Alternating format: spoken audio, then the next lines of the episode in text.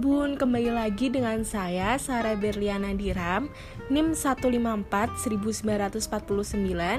dari Program Studi Public Relation UPN Veteran Yogyakarta.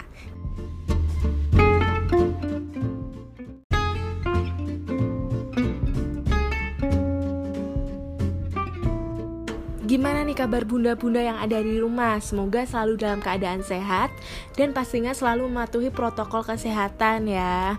Kita terakhir berbincang-bincang kan waktu UTS ya, sekarang udah UAS aja nih. Udah ganti tahun 2021. Nah, topik yang kita adain sekarang juga berbeda dengan sebelumnya, topik baru.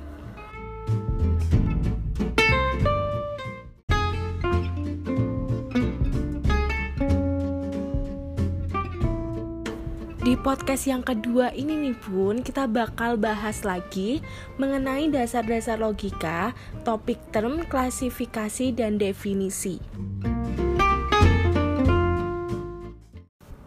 Komunikasi dibagi menjadi dua yaitu verbal dan nonverbal. Sama seperti komunikasi verbal, logika berfondasikan kata-kata atau dalam logika disebut dengan term sebagai media pengungkapan pemikiran. Sebagaimana kata dapat dibentuk menjadi kalimat, paragraf, sedangkan term dapat dikembangkan menjadi proposi dan silogisme. Kata merupakan tulang belakang komunikasi verbal. Term merupakan fondasi dasar logika. Term dibagi menjadi dua, eksplisit dan implisit. Eksplisit berbentuk kata-kata atau term itu sendiri, sedangkan implisit adalah gagasan yang pada tataran tertentu membentuk term, namun pada tataran lain dibentuk oleh term dan menjadi sebuah konsep. Konsep memiliki pengertian, gambaran, atau visualisasi. Gambaran tersebut merupakan sesuatu atau rangkaian sesuatu. Gambaran mengenai sesuatu atau rangkaian tersebut masih dalam pikiran. Term atau kata berbeda dengan ilmu bahasa yang menyelidiki term dari segala aspeknya. Penyelidikan logika bertujuan mencari pengertian term dan bagaimana penggunaan setepatnya. Penyelidikan term penting karena kata merupakan unsur yang membentuk pemikiran. Dalam proposi, term berbentuk subjek dan predikat. Term sendiri memiliki lima pengertian. Yang pertama ada positif dan negatif. Suatu term punya pengertian positif bila mengandung penegasan adanya sesuatu. Suatu term punya pengertian negatif bila diawali dengan salah satu dari tidak, tak, non, atau bukan. Yang kedua ada universal, partikular, singular, kolektif. Suatu term punya pengertian universal apabila ia mengikat keseluruhan bawahannya tanpa kecuali seperti manusia, hewan, atau tumbuhan. Suatu term punya pengertian partikular bila ia mengikat bawahan yang banyak, tapi tidak mencakup keseluruhan anggota yang diikatnya. Contohnya, beberapa orang, tim bola voli DIY, atau regu tertentu. Suatu term punya pengertian singular apabila ia mengikat suatu bawahan sebagai anggota, bisa berupa nama unik, kata yang diimbuhi, ini dan itu nama diri. Suatu term punya pengertian kolektif apabila ia mengikat sejumlah barang yang punya persamaan fungsi yang membentuk suatu kesatuan, seperti polisi, himpunan mahasiswa jurusan. Yang ketiga ada konkret dan abstrak. Suatu term punya pengertian konkret apabila ia menunjukkan kepada suatu benda, orang lain atau apa saja yang mempunyai eksistensi tertentu.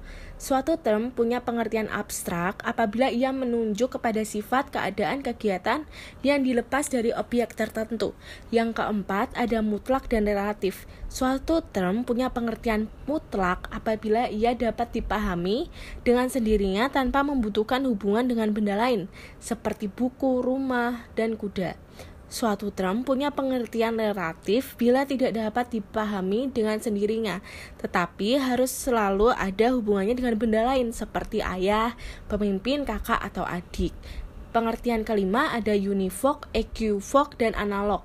Univoc adalah kata yang mempunyai satu makna yang jelas tidak membingungkan seperti meja, pulpen, atau pensil. Equivoc adalah kata yang mengandung makna lebih dari satu, umumnya dua makna, contoh bunga, bulan, buku.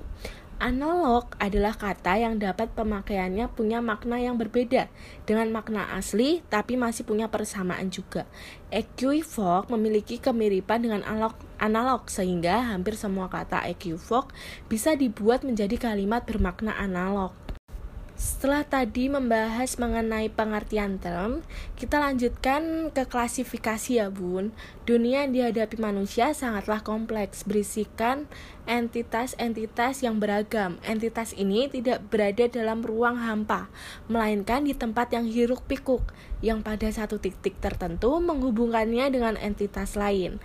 Manusia akan hidup dalam kebingungan bila tidak dapat mengidentifikasi kompleksitas entitas di dalam dunia.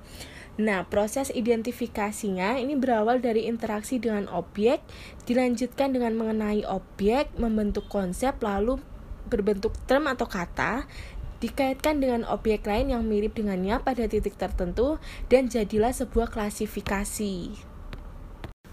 Klasifikasi sendiri dibagi menjadi dua, alamiah dan buatan alamiah ditetapkan untuk menata sesuatu berdasarkan sifat dasarnya, disebut juga dengan klasifikasi ilmiah, sedangkan buatan diarahkan untuk memungkinkan kita menangani kompleksitas sesuatu di kondisi tertentu secepat dan semudah mungkin.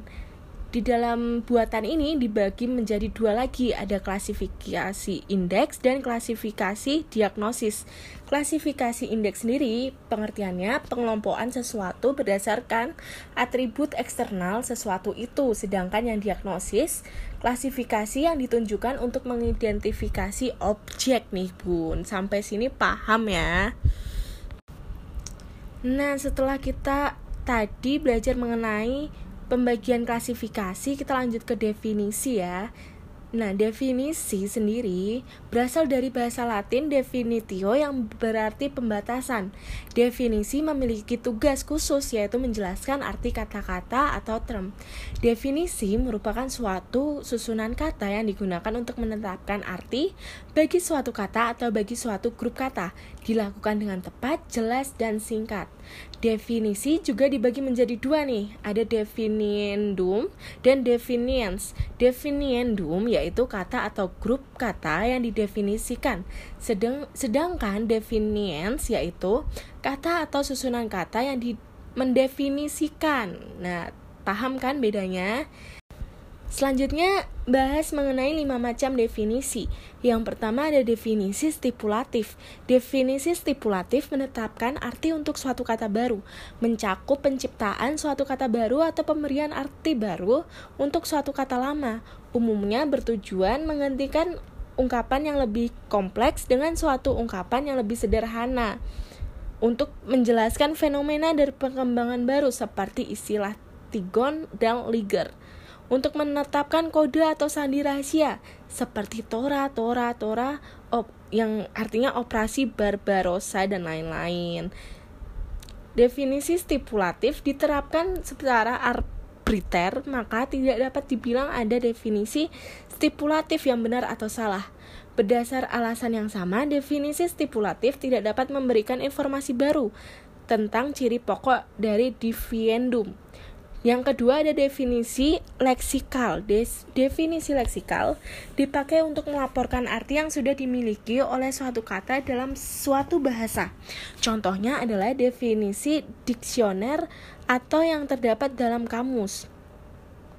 Definisi leksikal mendaftar bermacam-macam arti yang dimiliki suatu kata dengan tujuan mengeliminasi ambiguitas yang muncul jika satu dari arti yang dimaksudkan dicampur adukan dengan arti lainnya. Yang ketiga ada definisi yang tepat. Definisi yang bertujuan mengurangi ketidakjelasan arti suatu kata. Jika demikian, seseorang dapat mencapai suatu keputusan tentang berlakunya suatu kata dalam situasi tertentu.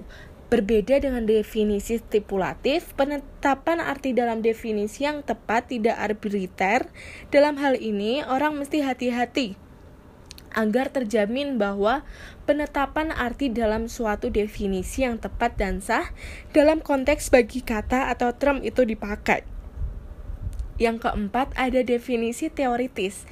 Definisi teoritis menetapkan arti bagi suatu kata dengan mengusulkan suatu teori yang memberikan suatu ciri tertentu bagi suatu entitas yang ditunjuk oleh kata itu.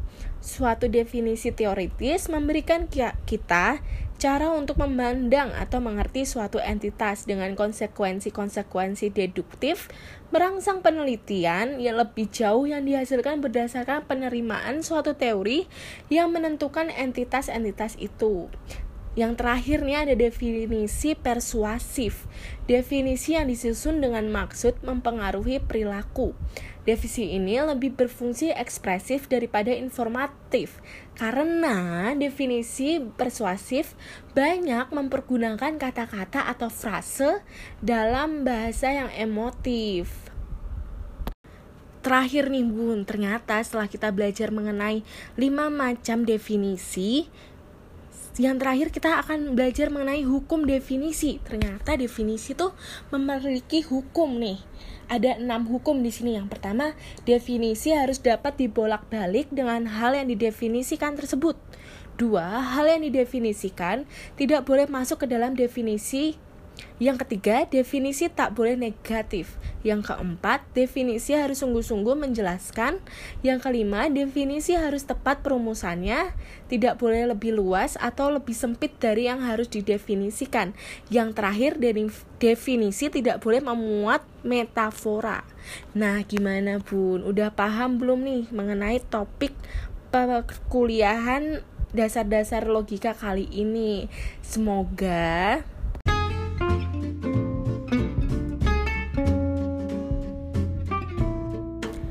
materi yang tadi mudah dipahami ya. Jadi bunda-bunda yang ada di rumah makin cerdas gitu.